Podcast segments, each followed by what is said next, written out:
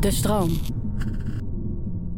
Mijn gast vandaag is Rob de Ron van slaapcursus.nl. En het leuke aan dit gesprek is dat het een gesprek wordt over slaap, maar dat het in zijn werk niet gaat over alle lijstjes, de, de zogenaamde slaaphygiëne met al die punten die je moet checken. Hij heeft het veel meer over de kwaliteit van de dag en het belang van rust.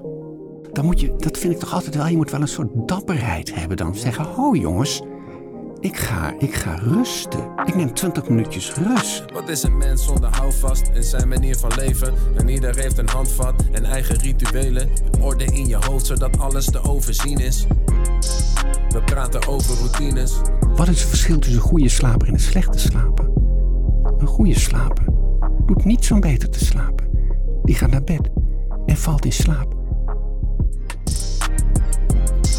We praten over routines. Um, het lijkt me leuk om met jou door de dag heen te lopen, door jouw dag heen te lopen. Aan de hand van de dingen die je eigenlijk doet om je op die slaap voor te bereiden, vooral. Ja. Omdat ik in de research over jou en over je, je nou mag ik het theorie noemen, je inzicht, je cursus. Ja hoor. Um, dat de dag zo belangrijk is. Het is niet wat je vlak voor dat slapen doet, maar wat je gedurende die, die uren in de dag doet, dat kan de slaap verbeteren. Ja. Dus zullen we gewoon aan de hand van die dingen door die dag lopen? Ja, helemaal goed, ja. Waar ja. beginnen we? De ochtend. Als je ergens wilt beginnen met beter slapen, dan is het de ochtend. Heel veel mensen die niet goed slapen, die hebben bijvoorbeeld het idee: ik moet om tien uur of half elf in bed liggen. Terwijl je s'avonds best marge hebt. Speelruimte. Ga je een keer een uurtje later, ga je een keer iets eerder. Maar als we, misschien komen we daar straks, straks nog iets uitgebreider over te spreken. Maar als je chronobiologie neemt, of laten we zeggen je chrono is van tijds, je tijdsbiologie neemt, dan begint het bij het opstaan.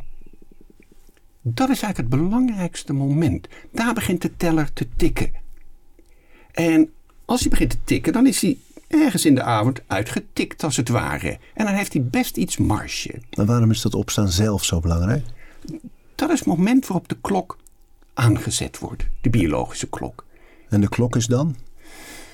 Eh, ja, een stukje in je middenbrein. De meest essentiële dingen zitten in je middenbrein. En er zit een gebiedje die is gevoelig voor licht.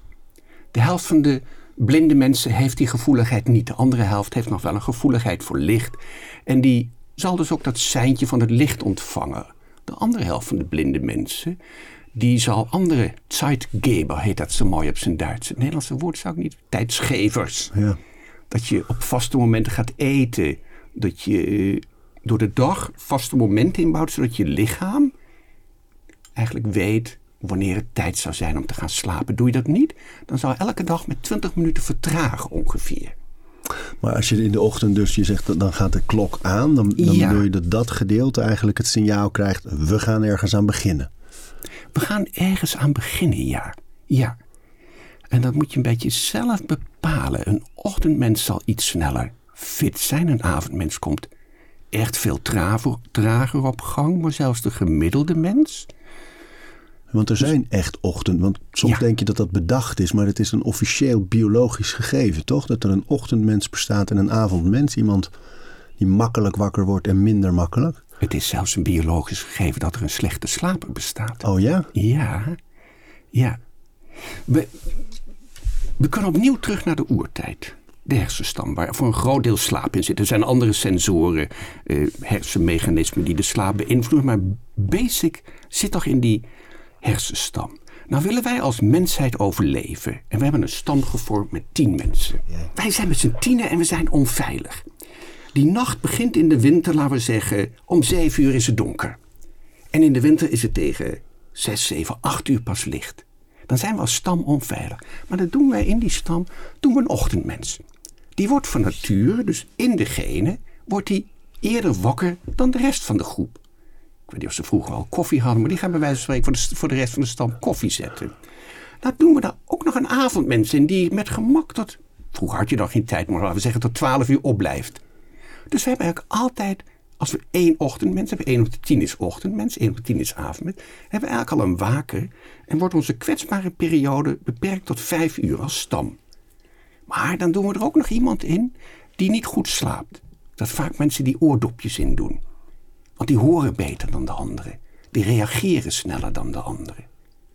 En die andere zeven van de tien, zo'n 70 procent, dat noemen we de gemiddelde mens. Dat is de norm een beetje. Dat is de norm en daar is helaas de maatschappij.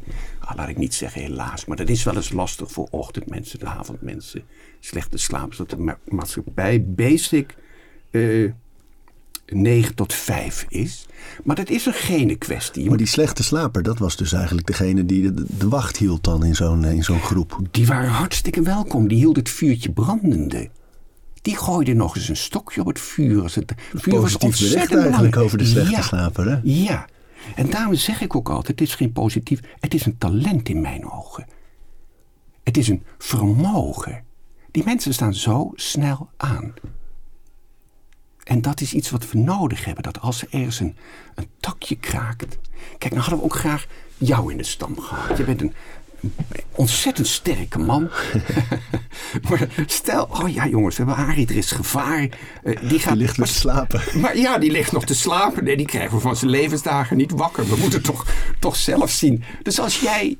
Maar als jij dan ook nog een, een, een, snelle waker zou zijn die met minst of gering- geringste geluidje opstond en eh, volkomen aanwezig was, nou ja, dan, dan, eh, dan waren wij als groep eh, gezegend. Dus je moet die, dat is geen, geen verhaaltje. Ochtendmens, avondmens, de slechte slaper. En dat is allemaal iets meer dan 10%. Maar laten we die groep 1 op 10, laten we het ongeveer 10 tot 15%. En dan hou je een groot middengedeelte over van eh, de gemiddelde slaper. En die heeft ook wel iets meer marge. Dat is wel leuk van de gemiddelde slaper. Die kan, als we zeggen, eh, sta 's ochtends zo laat op. Die kan iets makkelijker. Kijk, als, ik, als jij een ochtendmens zou zijn en we zouden samen gaan hardlopen, dan eh, is het geen punt dat ik bij jou om 7 uur aanbel. Maar je bent een avondmens. Die zegt, zullen we morgen om 7 uur eens, lekker gaan lopen? Nou, dat, dat, dat, dat gaat jou niet lukken. Tenminste, niet echt. Je wilt niet de beste prestatie leveren. Maar ben jij een gemiddeld mens, dan kun je daar makkelijker mee schuiven. En Ja? dat zijn de, de, de mensen waar je makkelijk mee om kunt gaan. Dus zo. Die makkelijk ja kunnen zeggen en die makkelijk mee kunnen schakelen. Ja, als het een keer later wordt of een keer vroeger, dan hebben ze ruimte om, om daarin mee te gaan. En de ochtendmens, avondmens heeft iets minder ruimte daarvoor. We zaten nog in de ochtend. En je Ja. zei het, het opstaan, daar begint het allemaal. Dan gaat de Ja. klok lopen. Ja, Waar gaan we naartoe? dat ligt eraan. Dat ligt eraan of je een, een cognitieve taak hebt, een eh, mentale taak hebt, een fysieke taak hebt. Eh, Bedoel je dan qua werk of qua... Qua werk, ja. Ik denk, ik denk dat, dat als je echt een, een kennistaak hebt, dat je brein eigenlijk pas na anderhalf uur in vorm begint te komen. En hoe kun je ervoor zorgen dat dat ook goed gebeurt? Moet je dan nog dingen doen? Ja, moet je dat voor dingen doen? Dat weet ik niet precies. Moet ik eens even terugschakelen. Ik zou wakker worden en. eh, nou ja, kijk, wat natuurlijk die biologische klok aan het werk zet, is licht. Daarin heb je volkomen gelijk. Geluid is op een gegeven moment ben je wakker geworden en dan, dan is geluid niet meer zo essentieel. Het heeft je wakker gemaakt, je hebt de haan horen kraaien, eh, eh, de partner naast je heeft gegeeuwd, er blaft is een hond, eh, je hoort de buurman de, de krant in de bus vallen. Maar dan moet je verder ook niet te veel geluid hebben. Dan wordt licht wel een essentie. Dan, dus dan je gordijnen openen. Of naar buiten een wandelingetje maken. Dat je ook fysiek wat opstart. En is daar nog verschil in? Want je hoort vaak al- als het over die lijstjes gaat, hoor je inderdaad mensen zeggen: je moet even dat zonlicht in de ogen laten komen. Even echt daglicht op je gezicht, in je ogen. Dan gaat die melatonine stoppen. Ja, dat, nou die melatonine is al redelijk aan het stoppen. Melatonine is eigenlijk een, een signaalhormoon. Het wordt ook wel eens het hormoon van de nacht genoemd en niet het hormoon van de slaap. Eh, het heet een signaalhormoon omdat een nachtdier er wakker van wordt. De uil krijgt ook een lading melatonine door zijn lijf, maar dan ontwaakt het hele lijf. Het is een hormoon en hormonen stromen door je bloed. Dus het is geen neurotransmitter die exact een plekje in je lichaam aanraakt, maar hormoon stroomt door je bloed. Dus het wordt donker. Het is niet zoals adrenaline die reageert op, uh, stel hier komt iemand binnen die schreeuwt brand. Dan moet je doordrenkt worden met melatonine, dan moet je in een alarmfase komen. Maar melatonine waarschuwt je lichaam van jongen, doe het even rustig aan. Ga iets kalmen. En elk orgaan weet dan ook dat het tijd is om te gaan rusten, om te herstellen. Dus dat zou gek zijn als je s'avonds nog een pizzaatje erin doet of wat chips. Want je maag had net het seintje gekregen om uh, het rustig aan te doen. Dus je spijsvertering is minder. Nou, maar in de loop van de nacht al vrij snel begint die hoeveelheid melatonine te dalen. En komt er een stresshormoon naar boven om je wakker te maken. Uh, die cortisone zijn dat. Die maken je wakker. Dus die melatonine is tegen de ochtend al gedaald. Maar dat stressniveau wil een beetje omhoog. En dan kan licht wel helpen, kan beweging gaan helpen. En uh, ook dus een, een, boterham, een kopje koffie kan allemaal helpen. Maar dan is het dus niet zo dat mensen dat eigenlijk zouden moeten doen... omdat ze denken van nou, dan gaat je hartslag omhoog en dan, uh, dan kom nee. je... Het is eigenlijk veel meer dit. Ja, ik zou... Je leest dat wel, hè, van die rituelen om je dag powerful neer te zetten. Heel veel lees je. Heel ja, veel ja. lees je. En ik vind het altijd een beetje Donald Trump-achtig. Een beetje uh, powervrouw, powerman. Het is niet de natuur. Behalve voor een ochtendmens. Die start van nature sneller op. Maar zelfs de gemiddelde mens start langzamer op. Maar als je met een Amerikaan belt, die moet voor achter alle al, al getennist hebben. Die moet al een vergadering achter de rug hebben. Die moet al zijn kinderen naar school gebracht hebben. Terwijl, moet je je voorstellen, als je toch vroeger wakker wordt. In dat bos. En, en, en, en je ziet je partner ontwaken. Je ziet de kinderen traag ontwaken. Daar zit helemaal niet zo heel veel snelheid in, want er is geen gevaar. Zolang er geen gevaar is, start je rustig op. Je port dat vuurtje nog eens aan. Maar, zou, ja, maar dat, daar zit het denk ik dus wel iets. Want ik denk, je hebt twee dingen. Je hebt inderdaad die Amerikaanse streberigheid van... ik moet zoveel mogelijk doen en zo productief mogelijk zijn. Dus ik begin om vier uur, want dan heb ik een voorsprong. Dat ja. is misschien niet de, de, de juiste weg. Maar je hebt ook die persoon die inderdaad net iets eerder wakker is dan de rest... en die dat vuurtje nog even aanport. Die alvast wat hout gaat verzamelen. Die misschien al een everzwijn spiest ja, voor de lunch. Vooruit. En dat geeft voldoening, want die heeft al allerlei taakjes al af kunnen strepen. En die gaat met wind in de zeilen die dag in. Daar zit toch wel waarde? Oh, maar ik, ik persoonlijk, ik streef de eerste anderhalf uur nog niet naar voldoening. Nee? Nee. Waarnaar? Voldoening is eigenlijk dus de dingen voldoen, volledig doen. Ik doe soms heel graag de dingen half. Ja. Of op een kwart. Weet je wel? Beetje, nou, een beetje in de spiegel kijken, eens door je gezicht wrijven. En waarom doe je dat? Ja, ik hou echt van een trage start. Ik hoef echt niet direct. Ik hou wel van in vorm zijn. Maar neem eens mee naar, naar een paar van dat soort rituelen. Want je zegt zo door je gezicht wrijven, in de spiegel kijken. Wat, waarom doe je die dingen? Ja, mijn, ik doe het eigenlijk niet. Mijn lijf doet het eigenlijk. Ik heb niet zozeer een snel lijf of een snel cognitief brein of. Uh, mentaal. Ik heb nog geen zin in ruzie maken of, of, of oneenigheid met mijn vrouw of kinderen. Dat, uh, dat noem ik dan mentaal. Ja. En cognitief een moeilijke som of een lastige opdracht of gelijk sportief zijn. Ik ben de gemiddelde mens. Ik ben geen ochtendmens, geen avondmens. Ik ben een langzame start. Weet je, we doen net eigenlijk of er voortdurend gevaar is. Wij noemen de wekker zelfs alarmklok. Ja. Oh, goeie. Dat komt van alarmee, te wapend, armee. Het zit het woord armee in. Vroeger had men geen klok, maar dan sloeg men bij gevaar met deksels. En men maakte kabaal. En dan pompt dat lijf zich vol met adrenalines, met noradrenalines, met allerlei stresshormonen. Maar kom, uh, begint de dag met gevaar? Nee. Of Kijk, we hebben het nu over extern gevaar. Dat is natuurlijk tegenwoordig wel een element. We zijn naar vroeger gegaan. En dan denken we vaak aan extern gevaar. Een stam die ons komt beroven. Een storm die uit de verte aankomt. Een dier die, die uh, een, een, kudde wol... Kudde? Een groep wolven. Een kudde geiten die je overvalt of zoiets. Maar, maar, horrorgeiten. Horrorgeiten. Nou, dan mag je alarm. Dan, dan te wapen is het eigenlijk. Dus je, elke ochtend schreeuwt je wekker te wapen. Als je het woord alarm, klok, eh, zuiver zou nemen. Het is ook het geluid inderdaad. Want vroeger had ik ook zo'n ding die... Het is een heel Ja. tergend, stressvol geluid. Ja, stress. Daar zit hier direct een vorm van stress in.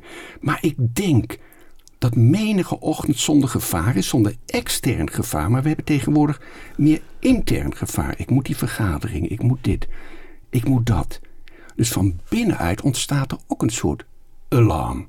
Dus die alarmklok gaat af en dan is er vaak geen extern gevaar. Maar is er iets dat je kunt doen om, om dat gejaagde gevoel, waar, waar dat toch ook over gaat, minder te maken? Van, want jij zegt, ik, ga, ik kijk eens in de spiegel, ik, ik laat mijn lichaam eigenlijk dingen aangeven en die doe ik dan. Maar voor al die mensen die bijvoorbeeld om negen uur ergens aan een bureau moeten zitten. Ja. En die wel opstaan met, oh ik moet dit niet vergeten, ik moet dat nog doen, ik moet zus nog, ik check mijn telefoon. Wat is het nieuws, wat zijn de berichten die ik gemist heb? Die zitten meteen in die dag. Ja, Wat kunnen die mensen nou doen om die dag wat relaxter, of zoals jij het zegt, gewoon eens wat zonder gevaar te beginnen? vertrouwen hebben. Vertrouwen dat dingen op het juiste moment gedaan worden. Dingen die je op het onjuiste moment doet. Het is een beetje de power of when. De kracht van op welk moment. Ik heb 's ochtends een hersengebied gebruikt of, of fysiek dingen gedaan. die op dat moment helemaal niet gepast zijn. Dus dat kost me veel meer energie dan wanneer ik in de loop van de dag denk van... hé, hey, als ik jou vraag... eh, jij bent een sportmens, hè? Ehm, nou, dan ga ik je een andere vraag stellen dan een sportmens. jij, eh, jij krijgt iemand op... eh, of je, hebt iemand in je werk, in jouw organisatie... die je heel graag wilt hebben op je werk. Maar hij is cognitief veel eisend. Dat is een scherp iemand. Jeetje, dan moet ik wel in vorm zijn. En Maar jij mag bepalen hoe laat dat die sollicitatie is. Dat jij hem aan de tand gaat voelen. Je denkt, ik moet hem echt hebben. Ik wil cognitief in vorm zijn die dag. Hoe laat nodig jij die mensen Tien uit? uur. 's Ochtends. Tien uur, 's ochtends. Ja. Dan weet je dus wanneer je cognitief in vorm bent. Ik geloof dat je, heb jij, ben je getrouwd? Heb je Ja, kinderen? ik Nou, ben getrouwd en ik, en ik heb kinderen. nou, dat gaat helemaal mis in dat huishouden. Even zoals dat in elk huishouden gaat. Dat gaat niet goed. En dat zit je al een paar dagen dwars. Je bent brood aan het snijden. Je denkt, nou, dat had mijn vrouw toch echt niet. Zo gaat het bij mij. Laat ik maar even Ja, naar mij ja, toe ja, ja, gaan. Ik- dat had mijn mee. vrouw niet moeten zeggen. Dat is echt... En het ligt ook altijd aan haar. Het ligt uiteraard. Nee, bij ons niet. Bij, mij, ligt- bij ons ligt het bijna altijd aan mij. Mijn vrouw is een wijze vrouw. Maar ga verder. Maar eh, je thuis, thuis, je wilde iets bespreken. Hoe laat spreek jij, zeg je tegen je vrouw, ik, ik moet nu toch echt mijn hart openen. Eh, je mag de tijd wegkiezen. Hoe laat Ja, spreek je af? want daar zeg je iets. Kijk, dat, als ik de tijd mag kiezen, is het dus weer ergens tussen tien en twee. Want dat, dat vind ik, heb ik gemerkt, dat zijn mijn, eh, mijn uren. Dat ik productief en scherp ben. Ja? Ehm, maar als ik gewoon in het ritme van ons leven kijk, dan is het juist eh, half acht, acht uur. Want dan liggen de kinderen Ja. in bed. Dan zijn we klaar met die avondronde. En dan zijn we eigenlijk pas samen gewoon met z'n tweeën. En daar is niemand meer bij. Dus dat zou het geschikte moment nu zijn in ons leven voor zo'n gesprek. Ja. Het is wel mooi wat je zegt. Want eigenlijk benoem je een soort scharniermoment. Ja, ja, we hadden het over, voordat we begonnen, over conversie. Converse. Ja, ja. converse is omzetting eigenlijk. Eh, Ja. Maar er is eigenlijk geen groter scharniermoment op een dag dan eh, de ochtend naar de avond. Laten we zeggen van licht naar donker, van dag naar nacht. Maar ook de ochtend. Het licht komt langzaam op. We zeggen wel tegen mensen, van wat, wat tegenwoordig, waar we het net over hadden, van begin de dag met dit, dat. Je hebt al voor acht uur een vergadering vanwege het voldane gevoel. Nou, ik heb nog nooit een zon eh, direct om 12 uur aan de hemel zien staan. Dat, dat, dat licht komt langzaam op. Dat is eerst mooi rood. Dat gaat allemaal lekker traag. S'avonds omgekeerd. Dat gaat langzaam onder. Dat is puur biologie. Maar ik ga mijn lichaam plotseling heel anders instellen. En dan heb je, dat zijn natuurlijke. En natuurlijke scharniermomenten gaan altijd vrij traag. Maar dan heb je ook organisatorische scharniermomenten. Eh, wat een prachtig scharniermoment is. We zijn nog steeds, we springen van de ochtend naar alle momenten Ja, in de ja, dag. mag, hè. mag. Want vind ik altijd van, van, van werk, dus van geld verdienen, zorgen voor geld, voor, naar privé. En dat is vaak tegen vijf, zes uur. Vind ik een essentieel schakelmoment op de dag. Waar mensen soms zo weinig aandacht dat ze s'avonds nog werken. Nog geld verdienen, laat ik het zo zeggen. Stop eens met geld verdienen. Besteed tijd aan je, aan je gezin. En dan plotseling heb je ook nog weer eens tijd. Een nieuw scharniermoment. De kinderen liggen in bed. Hé, hey, we zijn met z'n tweeën.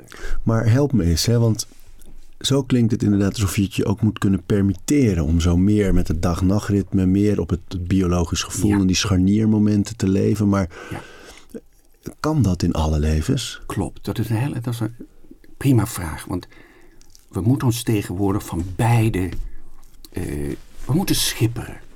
Je kunt het niet maar zo eh, op tafel leggen. Maar het lijkt wel of we het helemaal vergeten zijn dat we eigenlijk biologie zijn. Dat we zo. Kijk, we zeggen wel slapen zit in het oerbrein. Maar de grootste verandering is eigenlijk pas 200 jaar terug. De industriële revolutie, of 18, 1780 is dat geloof ik, hè, zoiets, na twee, twee eeuwtjes terug, laten we zeggen. Toen beginnen ze, dan beginnen ze te zeggen, hé jongens, die machines moeten blijven draaien, want die produceren, die leveren ons geld op. Dus we gaan ook s'nachts werken. We gaan, het, het begrip uurloon heeft daarvoor nooit bestaan. Als jij bij mij, ik ben timmerman en jij bestelt bij mij een stoel. Dan zeg ik, nou Arie, kom in de herfst maar eens terug. en dan kom je in de herfst. Nee, ik heb de stoel. Nou, je wilde er vier. Hè? Nee, ik heb er drie. Maar je moet, eh, kom over een week of twee, nog eens langer dan zo.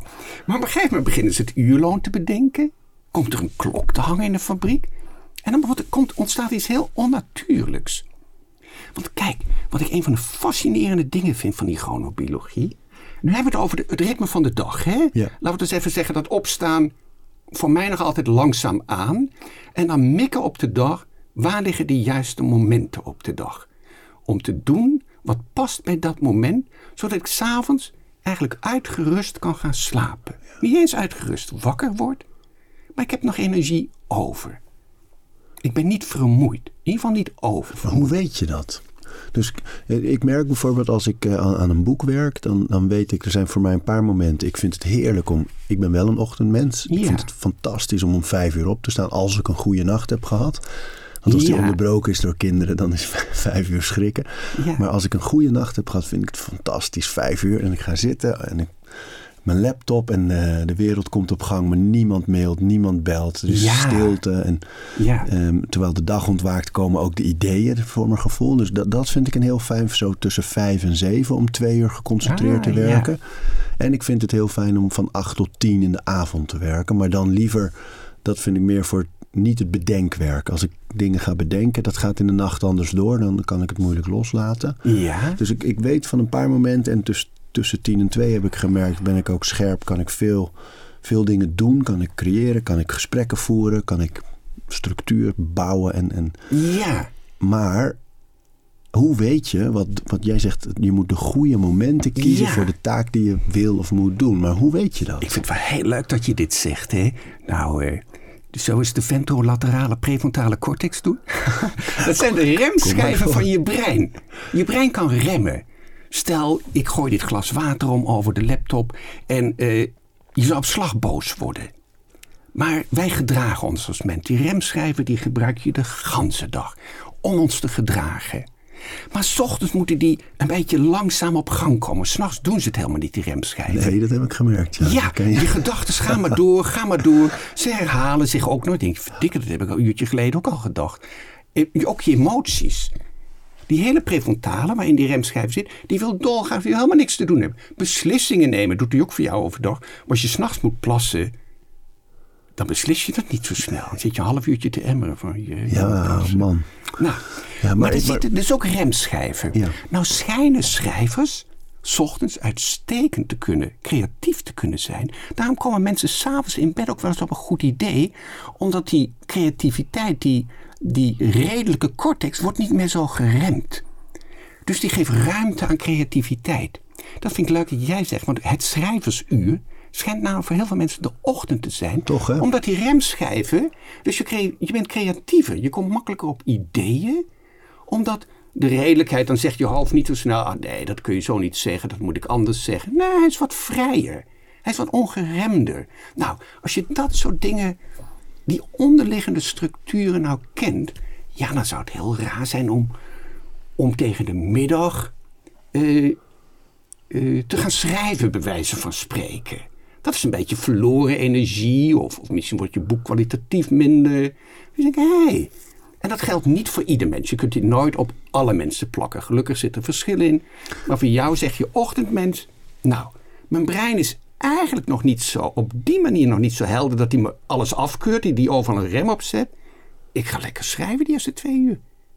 Dus dat zo, zo te Dan werk heb ik een vrij beroep. Want dat, dat, dat blijft toch in Klopt. hoofd spoken. Van, van de Ja. meeste mensen hebben natuurlijk een, een ritme dat enigszins Ja. gedicteerd wordt door Klopt. een werkgever of een, een organisatie. En zelfs zelfstandigen moeten een bepaalde productie leveren. En eh, hoe weet je nou wat voor jou die moment en hoe kun je dat doen in zo'n structuur? Hopeloos. We hebben dat zo. Ik begon met die industriële revolutie, hè? Nou, nee, er is zeker hoop. Gelukkig. Maar je moet behoorlijk dapper zijn. En slim zijn. En flexibel zijn. Heb ik dan drie belangrijke dingen? Dapper, Ja. slim, flexibel. Ja, dat zijn mooie waarden. Bij die industriële revolutie en dat uurloon werd er gezegd: hé hey jongens, we z'n allen om acht uur beginnen. Of je nu ochtendmens bent, avondmens. Eh, we nemen de gemiddelde mens, die, die 60 tot 70 procent. Dan hebben we de grootste. En die ochtend, avond, slechte slapen moeten zich maar aanpassen. Maar ik ben inmiddels 65. Ik weet nog dat bij ons tussen de middag, tussen 12 en 1, waren de winkels dicht. Ja. Dat was, dat was. Eh, Je werd geholpen vanuit de maatschappij om die biologie, die structuren te handhaven. Als je dat mooie schilderij van Van Gogh ziet, dan liggen die twee mensen zo heerlijk in dat stro. Die man en die vrouw. Die vrouw heeft een- dat hoofd op de borst van Van, eh, van, van Gogh. Nee, of niet Van Gogh, van die, van die arbeider die daar ligt. En je ziet nog dat ze wakker zijn trouwens. Ze rusten. Rust is iets anders dan slaap. Hij heeft die, die handen onder zijn achterhoofd. En die vrouw die staat ook nog een beetje. Iedereen sliep rond die, of rustte rond die tijd. Je opa ging even onder de pet, als je dat nog weet. Zo, die pet over zijn ogen en eh, kwartiertje weg, twintig minuten. Je werd geholpen. Maar die sociale structuren, die verdwijnen langzaamaan. Die nog, nog steeds op die biologie geënt zijn. Dan komt er wel een industriële revolutie. Maar die onderliggende biologie, die stroomt nog tot een jaar 30, 40 terug, stroomt die door. En die hebben nu redelijk opgegeven. Maar tegelijkertijd biedt dat ook wel weer een beetje kansen. We hebben nu toch wat meer kans om onze eigen tijd in te vullen. En ik denk dat er steeds minder bedrijven zijn die zeggen: ja, maakt mij eigenlijk niet uit of de werknemers om tien uur beginnen en of ze smiddags even gaan rusten. Als ze maar leveren. Als ze maar leveren, dan zeg ik toch ook nog leveren op het juiste moment. Ja, ja, nou, het is ook echt zo. Ik heb op een gegeven moment in een soort eh, jury gezeten voor het vitaalste bedrijf van Nederland.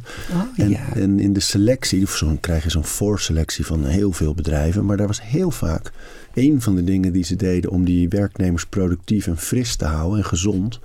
ehm, bijvoorbeeld een, een slaapruimte op, op, op kantoor. Ja, Dus daar lig- lag een sofa of een bank. En, dan, eh, die, en daar probeerden ze echt die, die, ja, die power naps probeerden ze te stimuleren. Dat was Ja. bij heel veel bedrijven het Ja. geval al. Dat zag ik echt als een soort voorbode van daar gaan we dus wel naartoe. ja, ja. Het zou mooi zijn als we trouwens geen slaapruimte, maar rustruimte zouden heten. Beter hè? Ja. slapen doe je echt s'nachts. En overdag rust je. En dat hoeft eigenlijk maar één keer. En rust betekent dus eigenlijk ook niet bewegen. Dus dat is eigenlijk gewoon, mijn, mijn beppe zeg ik dan, dat is in het Fries oma. Die zei altijd, eh, als wij zeiden, hey, maar ik kan nog niet slapen. Als je maar ligt, als je maar Ah, rust, ja, zei ze altijd ja. al. En dan ben je altijd wel kalm genoeg om dan uiteindelijk toch in slaap te vallen. Ja. Maar dat was al haar theorie. Ja. Maar, maar omschrijven, want ik weet in jouw werk, ook vanuit de Yoga Nidra... ehm, dat dat rustmoment zo, zo belangrijk voor ons is, juist in onze tijd. ja, Hè? ja. Maar kun je dat, moet je, dan moet je, dat vind ik toch altijd wel, je moet wel een soort dapperheid hebben dan. Ja. Zeggen, oh jongens, Ja. ik ga, ik ga rusten. Ik Ja. neem 20 minuutjes rust. En dapperheid bedoel je ook omdat er dan zo snel gezegd wordt: ja, dan ben je lui of dan ben je niet productief of dan, ben je, dan draai je niet mee met de samenleving. Nou, dit onderwerp is routine. Er zit het woord route in, het Franse woord pad. Maar je volgt een gemiddeld pad. De, het pad van die 60, 70 mensen die daar goed mee om kunnen gaan. Dat is, het, dat is de routine, dat is het pad eh, dat je volgt. En je moet toch wel een zekere moed hebben om je eigen pad te lopen. Mijn ritme, mijn routine is iets anders. Ik durf af te slaan. Ja, oh, iedereen loopt door. Ga ik afslaan. Ik kies mijn momenten. Ik kies mijn, eh, patroon, dat vraagt, dat vraagt een zekere moed in deze wereld. Want je wordt toch. Ja, daar kun je best om aangekeken worden als je niet alsmaar doorgaat. Terwijl iedereen eigenlijk weet dat kwaliteit staat bij, in eerste plaats bij het nemen van een pauze. Ja, dat vond ik mooi uitgelegd net. Ach, dat weet iedereen. Het schakelen. Andere hersendelen. Ja. Een sportmens, een voetbalwedstrijd. Weet je dan, de slaapcyclus duurt anderhalf uur. Hè? We hebben er vijf van op een nacht. In theorie, want het, de slaap verandert, maar we zeggen een cyclus van anderhalf uur. Neem die anderhalf uur eens naar de dag toe. Hoe lang duurt een voetbalwedstrijd? Anderhalf uur. Ander, hoe lang duurde vroeger een speelfilm? Anderhalf uur. Anderhalf uur. We nemen dat zo vaak mee naar onbewust. De mensen, mensen die, voor wie het belangrijk is om ermee om te gaan. Laat ik hoe lang duurt een documentaire? Oeh. Ja, dat verschilt nogal, denk ik. Nee, het zit meestal op zo'n 48 minuten. Meestal de helft van een slaapziekte. Omdat je nieuwe informatie krijgt. Net als een college, nieuwe informatie, duurt ongeveer uh, eh, 50 minuten. Tussen 45 en 50 minuten. Als je een topprestatie levert, denk aan een voetbalwedstrijd. Ik lever een topprestatie en dan doen we een halve slaapcyclus, 45 minuten. Of, of ga naar een concert, 45, 50 minuten, want je wilt kwaliteit. Dus Tenzij van... Jojo Maas met zijn vierurige cello-concerten. Ja, bij wijze van. Maar dan zou je er het liefst bij gaan liggen, denk ik. en, en bij tijden wij wegdommelen. Dan zou je een andere intentie hebben. Maar zou je echt, echt kwaliteit willen leveren... En, en Stel je gaat naar een concertgebouw en je krijgt muziek die emoties oproept. Dan, dan wil je echt, en het concertgebouw weet dat, want die laat je na 50 minuten opstaan. Dus heel iets anders doen. Die, die, die krijgt er tegenwoordig gratis een kopje koffie, glaasje wijn bij. Dus je babbelt met je, met je vrienden of met wie je daar ook bent. En na een kwartier moet je terug. Je loopt, je zoekt weer je plek, hoop gerommel. En ook uh, Janine Jansen is ondertussen naar de coulissen geweest. Die heeft iets heel anders gedaan dan, dan uh, viool spelen. En we komen allebei terug en we zijn allebei vers en nieuw. Wil je kwaliteit leveren, dan hou je bij uh, indrukwekkende situaties 45 minuten aan. Kwartier pauze. Dus kwartier iets totaal anders doen. En met indrukwekkend bedoel je de, de indrukken die wij krijgen ervan. Dus als het veel indrukken zijn, moet je het afbakenen tot drie kwartier, vijftig minuten. Of veel van je vraag. Cognitief, fysiek, mentaal, dat maakt niet zo langer. Dus als we teruggaan naar die uh, twist met je vrouw, dan zeg je nou drie kwartier. Nou, Schat. De cyclus is voorbij. Even een kwartiertje pauze. En dan wandelen. In, in, voetbal wordt dat voor je geregeld, maar thuis moet je dat uh, maar, maar, zelf maar, maar help eens met. Dus als ik, als ik mijn dag op die manier in ga delen, dan moet ik dus allereerst aanvoelen waar mijn uh, belangrijke momenten zitten om te kunnen werken of andere taken te verrichten. Dat moet ik op de een of andere manier voelen. Ja. En ik moet mijn geconcentreerd werk of de dingen die uh, veel vragen, moet ik bouwen in blokken van drie kwartier, vijftig minuten. Die bouw je in blokken van anderhalf uur. Als je ergens oh. goed in bent, kun je anderhalf uur iets doen. Want je presteert nooit in piek uh, de hele dag. Nee. Je, je doet iets en dan kun je anderhalf uur nemen. Is de uh, input groter of de output, een voetbalwedstrijd, maakt me helemaal niet zo waar dat fysiek of cognitief is. Dan zeggen we, hou jongens, na 50 minuten uh, neem een kwartier pauze of we wisselen bijvoorbeeld van lokaal en dan hebben we samen toch nog die anderhalf uur. Maar dat is een onderlaagje die je bijna niet ziet. Dus als je langer werkt dan anderhalf uur, dan heb je dus niet dat vermogen in jezelf wakker gemaakt om te zeggen: Pauwijn, stop, ho, stilhouden. Hoe weet je waar het scharniermoment is? Want, want, Steven, mijn collega, eh, had jou uitgebreid aan de telefoon nog voor, uh, voor ons gesprek. En aan de hand van dat gesprek zei hij tegen mij: uh, we, we, kunnen om twee uur opnemen, maar dat is eigenlijk wel mijn rustmoment, heb ik te horen gekregen. Van ik moet om twee uur op de dag. Hoe kom je bij zo'n specifieke tijd? Eigenlijk heel simpel. Het woord siesta komt van zesde. Vroeger waren de uren anders, had je geen klokuren, maar had je de zonnewijzer. En verdeelden ze de dag in twaalf uren. En dat is heel relatief, bedoel, uh, maar ze hadden gewoon ongeveer 12 uren. Het middelste uur, middels van 12 is 6, siesta. Midden op de dag, siesta. Mensen stonden ook veel vroeger op, bij het, bij eh, opkomen van de zon stonden ze op. Heb je het zesde uur. Nou doe ik bij, bij, bij Stefan tel er gewoon 8 bij op. 16. Gedeeld door 2 is 8. En eh, nou, dan kom je ongeveer acht uur na het ontwaken. Na het dan moet je wel relatief nemen. Je moet niet zeggen precies acht. Maar laten we zeggen tussen de nou, eh, zeven, acht, negen uur. De ene dag is iets anders dan de andere. Dan begin je een beetje in te kakken. En omdat Steve een ochtendmens is, eh, kun je twee uur ongeveer aanhouden. Ben je een gemiddeld mens, dan, eh, nou, dan komt de middagtip, cup of soep. Heet dat, Vier geloof uur. ik, hè? Vier uurtje. Gewoon een goede reclame was dat eigenlijk. Ja, hè? dat was een hartstikke goede reclame, ja. Dat het zo diep zit. Ja, maar wel geënt op, op, het, op het nieuwe industriële revolutieprincipe Ja, ja, ja. van doorgaan. De dip na de lunch. stukje chocolade in of zoiets. We gaan niet stoppen. We luisteren niet naar ons lijf. We gaan Ja, door. ja. Dus eh, die mensen die wel aan die kantoortijden of een ander vast ritme zitten, die kunnen dan nog kiezen. Mijn pauzes bepaal ik zelf. Die zijn essentieel. En mijn rust pak ik op het moment dat het echt kan ergens. Dus of een werkgever die zegt, nou dat mag. Of als je Ja. weer thuis komt, misschien nog in de auto als je gaat parkeren. En eh, Nou ja, voordat je naar binnen gaat. Ja. Op zo'n moment. En dat kan dus ook s'avonds zijn. Want waar ik altijd bang voor ben, is als ik aan het einde van de middag op de bank even lig. Met de kinderen wel of niet. En ik val in slaap. En het is me wel eens gebeurd dat ik dan echt in slaap val. En zo rond etenstijd wakker word en echt niet meer weet waar ik ben. Gewoon. En dan slaap ik s'avonds minder goed. Ja, ja. Dan heb je iets van de slaapschuld ingelost. Ja, ja, ja. Dan heb je dus, laten we zeggen, dat slaapschuld. Dat 's ochtends, als je goed geslapen hebt, is het glas leeg. Je bent lekker opgeruimd en wakker. En in de loop van de, van, van, van de dag vullen zich bepaalde cellen met adenosine, een stofje. Als je koffie drinkt, dan zet de cafeïne zich vast op dat elementje. En dan kan die adenosine er niet bij, waardoor je langer wakker blijft. Maar stel, je bent gewoon eh, wakker geworden, het glas is leeg. In de loop van de dag vult zich dat glas. Dat noem je slaapdruk. En stel jij gaat dus slapen ergens, eh, je valt in slaap, dan heb je eigenlijk iets uit dat glas weggeschonken. Waardoor op het moment dat je naar bed gaat, dat glas niet meer vol genoeg is om in slaap te vallen. Dus ik raad ook iedereen aan om het verschil te leren kennen tussen slaap en rust. Ja, mooi. Rust is dus, eh, dat glas blijft gewoon zoals het is. Ik schenk er niets uit, maar ik heb wel gerust. En stel dat het Steve in zijn leven lukt om om twee uur te gaan liggen, te rusten. Hoe lang moet hij dat dan doen? Ja, we zouden officieel om twee uur beginnen. Hadden wij dus om twintig over twee. Moet je je voorstellen hoe dat zou gaan. Wij, zijn- wij zijn om twee uur. Ja, Stefan, rust nog even. Dan kunnen we nu niet wakker maken. Die is op over twintig minuutjes. Oh ja, zeggen wij dan. En dan gaan we een beetje babbelen. Dat kan niet meer tegenwoordig. Nee, maar? 20 minuten is wel de tijd ongeveer. Ja, 20 minuten, een half uurtje. Waarom maar als is dat? dan Die, die, ik denk dat jij, als je op die bank in slaap valt, langer dan 20 minuten hebt gelegen. Ja. En dan heb je dus echt zuiver eh, slaap gehad. Dan heb ik uit mijn glas gedronken. Dan heb je uit je glas gedronken. Ja.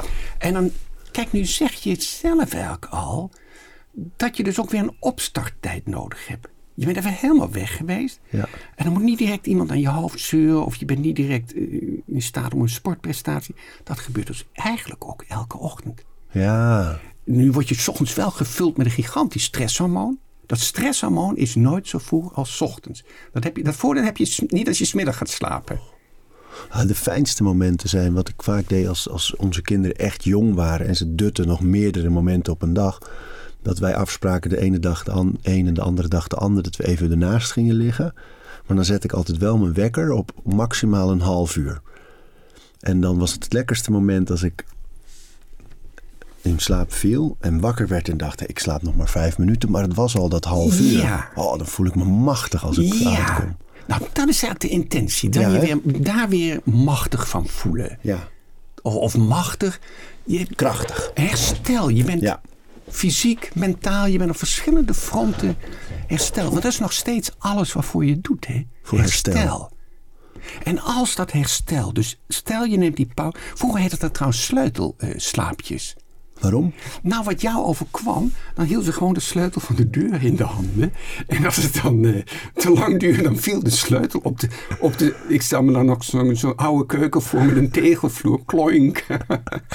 dan weet je daar van, oh ja, hop. En dan, dan was je de sleutelslaapjes. eh, Fantastisch. Als Dus je bent trucje. eigenlijk net nog niet diep genoeg in slaap als je hem nog weet vast te houden. En als hij valt, denk je, oh, nu, nu moet ik... Dat was te diep. ja, en dat kan dan net dat herstel zijn. Nu als we zo'n beetje eh, de dag ontwaren, hè, de dingen die we overdag kunnen doen om s'avonds beter te slapen, heb ik in de ochtend gaat het beginnen allemaal. Dan gaat de wekker, licht bewegen, uh, licht in de ogen. Niet te veel willen doen juist. Gewoon vertrouwen hebben en rustig beginnen. Ja. Ehm, ik heb dat rustmoment ergens op de dag. Dat je ergens durft te kiezen. Ja. Dat het belangrijk is om te luisteren naar waar zitten mijn, uh, mijn schakelmomenten, mijn scharnieren, punten. Ja. Om een echte, mijn belangrijke werk te doen. Ja. Uh, mis ik dan nog dingen? Nee, dit, dit, ik vind het wel leuk dat jij zegt, ik schrijf s ochtends het beste. Dat, dat maakt ook weer duidelijk dat ieder mens anders is. Als schrijver is dat begin van de dag. Want ik denk dat jij dan geen anderhalf uur opstarttijd nodig hebt om te schrijven. Nee. Dat is juist lekker om dan misschien na een kwartiertje al een bakje koffie of weet ik veel hoe je dat doet. Maar dan al te beginnen, dat die remmen nog lekker soepel zijn. Ja, wat ik wel doe is dat ik, ik vind het dus wel erg fijn om een paar dingen in de ochtend te doen. Die hebben niet met productiviteit te maken. Dus ik ga geen mailtjes of dingetjes uh, doen. Maar ik vind het wel heel fijn om, uh, als ik eerder wakker ben dan de kinderen, om naar buiten te gaan. En in de zomer het liefst met mijn blote voeten door het gras te lopen. Ja, en lekker in ja. het licht te zijn. Een beetje licht te bewegen. Ja. Soms doe ik wel wat push-ups of wat, wat oefeningen. Maar eh, meer licht bewegen. Een beetje rekken, strekken, een beetje hangen. Um, en dan, ja, ik ben dol op ijsbaden. Ah, vind ja. ik het heel lekker om dat te doen. Ja. En dan, dan voel ik me fris en alert. En om dan te gaan werken, dan eet ik nog niet. Ik drink hoogstens een glas water. Ja, Maar dat vind ik, dat zou in, nou, in het ideaalplaatje is dat mijn fijne begin. Maar meestal is het zo dat een van de kinderen zo uh, tegen zessen uh, wakker is. oh ja. En ook in de nacht nog wel een paar keer. Dus dan is vijf uur uh, wordt net te vroeg. Maar dat is mijn, mijn ideaalplaatje eigenlijk. Ja. Oh, mijn ideaalplaatje is dus echt... Ik begin altijd met, met uh, yoga. Ik ben twintig jaar lang yogadocent geweest. Maar mijn dag staat eigenlijk het lekkerst als ik begin met, uh, met yoga. En zoals jij zegt van het ijsbad. Ik merk, ik betrap me wel eens op dat... Ik heb dus een zekere routine. Ik heb een heel handvol oefeningen. Ik doe heel veel oefeningen. Maar ik begin gewoon spontaan. Ik begin trouwens altijd met mediteren en een bakje koffie erbij. Ik kan mijn bakje koffie blindelings vinden. Dan zit ik. En dan op de tast weet ik ongeveer waar die staat. En dan, uh, nou, zit ik. Met ik heb dan altijd dicht, pak je. Je ogen dicht ongeveer. Ik heb dan al wel gelezen. Ik, moet dan, ik vind het altijd heerlijk om eerst even iets te lezen. Zo'n, zo'n, en waarom uh, doe je dat? Om, om... Ja, die brengt me in de stemming. Ik lees op het moment graag Meister Eckhart 12. 90. Dat is echt een leuke man. Wat, nee, niet Eckhart oh, Tolle. Eckhart, Meister Eckhart, ja. Oh, dat is echt? Ja, dat is 1290. Ja. Ongeveer de tijd van, van Dante, 1300 ja, zoveel. Maar die schrijft, dat zijn traktaten. Dus dan zitten die monniken daar te eten en dan uh, mogen ze een vraag stellen aan Meister Eckhart. En Meister Eckhart geeft antwoorden. Dat is allemaal netjes opgeschreven. Ik lees liefst die uh, avondeten wijsheid van Meister Eckhart. Dus ik, nou, ik doe het dan 's ochtends. Maar dan kom ik in de juiste moed. En soms al na twee, drie regels. Soms moet ik twee bladzijden lezen. Leg ik het boek weg. Zit er nog vaak wel helft koffie in. Begin ik met mediteren. Maar ik en, merk en wat dus is het mediteren dan bij jou? Stilzitten. Ik hoef daar niet met zoveel moeite voor te doen. Niet op de adem, maar ik ben... Nou, ik geloof dat ik er dan gewoon ben. Zoals jij met je voetjes in het gras of zoiets. Van, dan ben je er ook op dat moment eigenlijk. En uh, ja, ik word er altijd ontzettend prettig van. ik vind het heerlijk om zo te zitten. Alsof ik dan weet waar het over gaat. Ook al gaat de rest van de dag mis. Maar als ik dan weet waar het over gaat. En dan begin ik aan yoga En wat bedoel je met waar het over gaat? Ha, nu zet je me in de hoek. Maar dat zijn van die lastige vragen. Want je kunt makkelijker over het brein praten af en toe dan dit soort dingen. Weten waar het over gaat, ja. Jezus, dat doe ik elke zelf? ochtend. Nu vraag je me het. Ja. En dan weet ik het eigenlijk niet waar het over gaat. Maar ik wil dolgraag weten altijd. Dat verlangen om te weten. Maar je hebt dus wel in de, op dat moment in de ochtend het gevoel dat je het even weet waar het over gaat. Ja. Want ik, las ook dat het begin voor jou van, van al deze kennis over slaap, waar, waar we kunnen destilleren dat wat je doet overdag, dat daar de winst zit voor de nacht. Maar het begon eigenlijk met dat jij dacht in je lessen, ik eindig altijd even met yoga nidra. Kun je yoga nidra uitleggen wat dat precies is en, en hoe je van dat moment in je les naar een hele methode bent gegaan? Dus je hebt nu echt een slaapcursus, een, een mooi platform. Het feit dat je die in de lessen gaf en dat mensen dan na zo'n les zeiden... ja, we slapen er zo goed op. Ja. Hoe jij kwam tot de methode, dat heeft met je vrouw te maken, hè? Ja, mijn vrouw sliep slecht ook slecht. En ik, ik, ik hou mede van mijn vrouw omdat ze helemaal niets met yoga en meditatie heeft.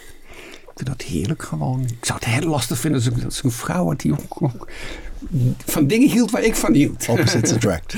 Ja, zoiets. Dat vind ik. Zij is heel, heel aards, heel nuchter daarin. Maar ja, als iemand heel lang niet kan slapen. Ik heb dat nooit geweten. Ik ben een goede slaper. Ik heb nooit geweten dat dat zo lastig is. De eerste slaapkus had ik echt mensen die zeiden: Ja, ik wil wel van het balkon springen. Zo naar is dat dat je niet. Zo erg was het niet met mijn vrouw, maar ik ben er pas achter gekomen dat het zo naar kan zijn, niet slapen. En ook voor de omgeving. Als jij met vrienden in hotel zit, wordt heel vaak gevraagd van, heb je goed geslapen? Ook uit een soort eigen belang van, oh, als Frits goed geslapen heeft, dan is hij lekker te pas en hebben we een leuke dag, bij wijze van spreken. Of, eh, het is ook, ja, voor je omgeving.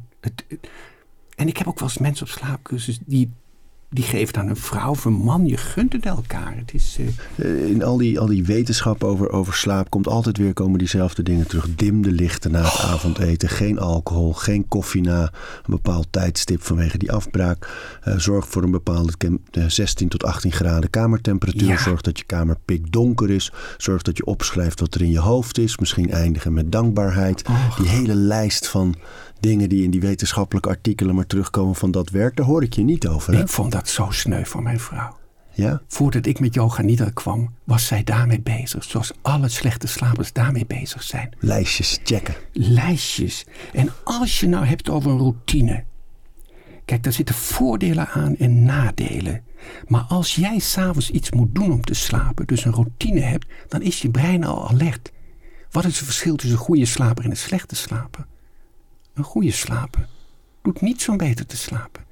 Die gaat naar bed en valt in slaap. En elke slechte slaper een bouwt een routine? routine in. Maar is het bij een routine ook niet juist zo dat je op een gegeven moment is het nou eenmaal zo, want het is routine, je denkt er niet meer over na. Maar die slaapkamer is gewoon donker en die temperatuur is gewoon 16 tot 18 graden en je dimt automatisch de lichten na het avondeten en je denkt er eigenlijk niet meer over na. Ja, kijk, dat zou een routine in principe moeten zijn. Dat je er niet over nadenkt. Dat is, dat is het, Maar het dat wordt is, voor mensen een checklist en daar gaat het ja, mis. want het principe van routine is, is best heel prettig. Als jij 's ochtends moet denken van hoe zet je ook alweer koffie? Je- Dat apparaat heb je al, al tien jaar in je, in je keuken staan. Maar je denkt van jee, hoe zet ik ook alweer koffie? Dan kom je echt niet aan schrijven. toe. Nee. Routine is heel belangrijk, zodat je cognitief mooie prestaties kunt leveren. Of sportief mooie prestaties kunt leveren. Daarvoor oefen je, zodat het in je letterlijk geïncorporeerd is. In je lijf vertegenwoordigd is. Zodat jij je met cognitief fraaiere dingen of met tactiek kunt bezighouden. Routine is prima. Maar als ik die routine toepas voor ik naar bed ga.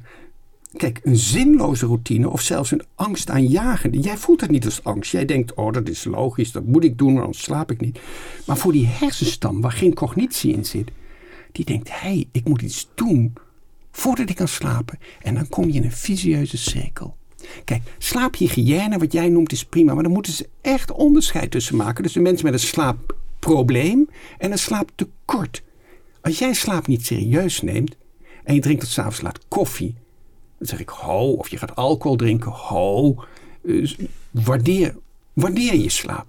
Maar mensen die niet goed slapen, dus die 1 op 10 die van nature waakzaam zijn. Want slaap is niet De helden in onze groep. Ja, slaap, die kunnen slapen. Op de bank vallen ze in slaap en ze liggen rust niet alle nachten wakker. Slaap werkt nog, maar hun waakzaamheid is te groot. Dag en nacht horen bij elkaar. Daarom let ik ook op de dag. Die twee moeten met elkaar in evenwicht zijn. Slaap en waken moet met elkaar in evenwicht. Als jij te waakzaam bent, dan heb je moeite met slaap. Maar je bent niet slaapziek. Een slaapmiddel onderdrukt de waakzaamheid. Alcohol onderdrukt de waakzaamheid. Droomsap, THC, alles wat jij doet, verbetert niet de slaap, maar onderdrukt je waakzaamheid. En dan komt die slaap, maar die slaap is niet stuk. Dus je moet je waakzaamheid beheersen. En als je dat pas in bed doet, ben je altijd te laat. Dat begint voor mij ochtends. Dat begint met op de juiste momenten pauzeren. Dat is niet chronobiologisch, dat doe je gewoon na anderhalf uur. Er zit wel een stukje chronobiologie onder. Dat is mooie wetenschap. Jurks en Dotson hebben het allemaal netjes voor je uitgezocht. Anderhalf uur. Eh, als, het, als het saai is, tuinharken, aangenaam saai of zo, doe het gewoon twee uur. Maar dan zit er zelfs een maximum. Nou, met zo'n strategie de dag door, dat helpt je meer dan s'avonds in paniek te raken en dan weer snel die route op te zoeken. Want je brein, kijk, als mensen die niet goed slapen, die vallen soms op de bank in slaap, dat niet bewegen weer, saai programma. Dus de input is uh, niet enerverend. En dan zakken hun ogen dicht. En als ze in bed gaan liggen, blijven ze juist wakker omdat ze zeggen: nu moet het, nu moet nee, het. dat brein dat ziet dat bed en dat weet hij. Dit is een plek waar ik iets niet kan. Dat bed is het signaal van je hersenstam, dat niet-intelligente brein, dat een alarm afslaat. Dat een alarm aangeeft. En dan meteen weer de hersenimpulsen doet stijgen naar waakzaamheid. Hier gebeurt iets wat ik niet kan. Hoe kan je dat veranderen? De hele dag. Dus nooit s'avonds laat pas beginnen, maar van ochtends vroeg. Want heel veel mensen die niet goed slapen. En dan moet je echt ervan uitgaan dat is een gene kwestie. En dat los je niet op met uh, minder koffie. Natuurlijk kun je iets slaaphygiëne betrachten. Maar die slaaphygiëne is dus vooral voor mensen die slaap niet serieus nemen. Want de mensen die niet goed slapen, nemen slaap verdraaide serieus. Die moeten van alles doen. Ik vraag mensen zeven dingen op te schrijven. Hè? Voordat ze een slaapcursus beginnen, schrijf zeven dingen op die je doet om beter te slapen. Ik heb nog nooit iemand gehad die dat niet doet. En sommigen zeggen mensen, ik heb 17 punten, die moet ik in volgorde afhandelen. Nou, daar wordt je slaap echt niet beter van. Moet je, hou, ik vraag nooit dat los te laten, want een brein vindt het niet leuk om iets af te leren. Dat weet je zelf als je kinderen hebt. Als je zegt voortdurend, dat mag niet, dat mag Blijf niet. dat maar lekker doen, maar concentreer je op die dag. Ja, vind een, vind een alternatief. Ontdek iets nieuws, want dat vindt het brein leuk. Hé, hey, hoe begin ik de dag? Wanneer neem ik pauzes? Heb ik langer dan anderhalf uur gewerkt? Uh, heb ik wel rust genomen? Wat is mijn rustmoment? Hoe bouw ik de avond af? Hoe het is eigenlijk meer tijdsurfen. Als jij gaat tijdsurfen op de chronobiologie van je dag. Want mensen zien die prachtige slaapcycli bij mij. Dan zien ze anderhalf uur, anderhalf uur, anderhalf uur. Oh, dat wil ik ook. En dan zeg ik, weet wakker worden, want stop dan je chronobiologie. Is dan, is dan voorbij met de biologie. Je wens je biologie op het moment dat je ogen dicht. Maar overdag heb ik geen tijd voor. Daar moet ik echt, uh, dat moet af, dat moet af. En ik doe ook over die voedende activiteiten. Maar die mensen staan echt aan. Hè? Dan vraag ik ook, wat zou je doen als je beter zou slapen? Nou, zeggen mensen, ik zou meer, en dat vind ik best dramatisch, ik zou meer tijd aan mijn kinderen besteden. Ik zou uh, uit daten gaan, ik, ik weet niet wat ze allemaal noemen. Maar belangrijke, mooie dingen eigenlijk. Belangrijke, mooie dingen. Ik had een mevrouw, moet ik even niet zeggen waar ze vandaan komt of zo, maar in ieder geval had die best een belangrijke baan. Die had zich, je woonde alleen, had zich een prachtige boerderij gekocht ergens op het platteland. Met alle dieren die ze als kind al gewenst had. Nou, vooruit, ze werkte in Den Haag, drukke baan, op en neer, op en neer. En ze begon te huilen. Toen ik vroeg aan het einde naar die zeven dingen. Ik heb al zo lang mijn paard niet geroskamd. Dus je hebt zoiets. Nou, dat zijn voedende activiteiten. Mensen die lang slecht slapen staan in een overlevensstand. En dit is leven. Met je kinderen iets doen. Kijk, en dan praat ik niet over minder koffie. Dat vind ik zo zonde. Dan praat je, terwijl zulke dingen eronder liggen. Jij slaapt zo slecht dat je die presentatie wilt geven. Dat je je hypotheek, weet ik wel wat je allemaal moet. En je wilt er als mens ook nog zijn. En dan ga je zo, die slaap wordt zo belangrijk, want je wilt er zijn. En dan sta je zo in een overlevensstand dat je eigenlijk het leven vergeet het is wel, ik vind het heel verfrissend dat het over slaap gaat en dat het zo over de kwaliteit van het leven en, en het belang van rust gaat. Ja. En, en, uh, en ook wel daardoor heel bewust leven. En, en, niet om checklists en niet om ja, puntjes. Uh, dat, dat, is fijn. Dat is fijn. En jouw eigen uh, Yoga Nidra begeleide meditaties, die kunnen mensen ook vinden op je platform, hè? Ja, die staan op slaapcursus.nl. staan een dat jij gewoon slaapcursus.nl hebt, hè, die URL, dat die gewoon was.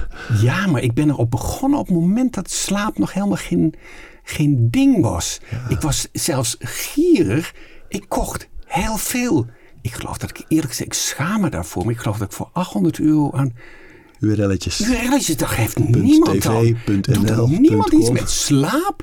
Dat ik dacht, ik heb er nu nog maar tien over of zo. Dacht, dit is schandalig. Van, ik, ik blokkeer gewoon als het ware een markt. Maar dat, ik begon op het moment dat, dat, uh, Dat niemand gaan dag van, hé, laten we die slaap eens uh, ja, wakker wat een thema is het nu, hè? met al die ruis en al die afleiding en al die dingen die we vinden dat we moeten en kunnen. Ja. Ja. Mooi hoor dat je erin zit. Ja, het is, echt, het is echt erg mooi om daarin te zitten. Ja, Dankjewel. nou, heel graag gedaan. Jij bedankt, jullie bedankt. We praten over routines. Dankjewel voor het luisteren. En voordat je weer doorgaat naar andere dingen, wil ik je nog even wijzen op Over Inspiratie. Dat is het mailtje dat ik elke donderdag rondstuur met drie tips. Dingen waar ik zelf veel aan gehad heb. Het kunnen producten zijn, artikelen die ik gevonden heb online, onderzoeken, eh, Instagram-accounts, podcasts, boeken, van alles eigenlijk. En ik denk dat je daar zelf ook veel aan kunt hebben. Dus vind je het leuk om dat mailtje elke week te ontvangen? Dan kun je je opgeven op ariboomsma.nl onderaan de pagina. Dan krijg je voortaan elke donderdag in je mailbox over inspiratie.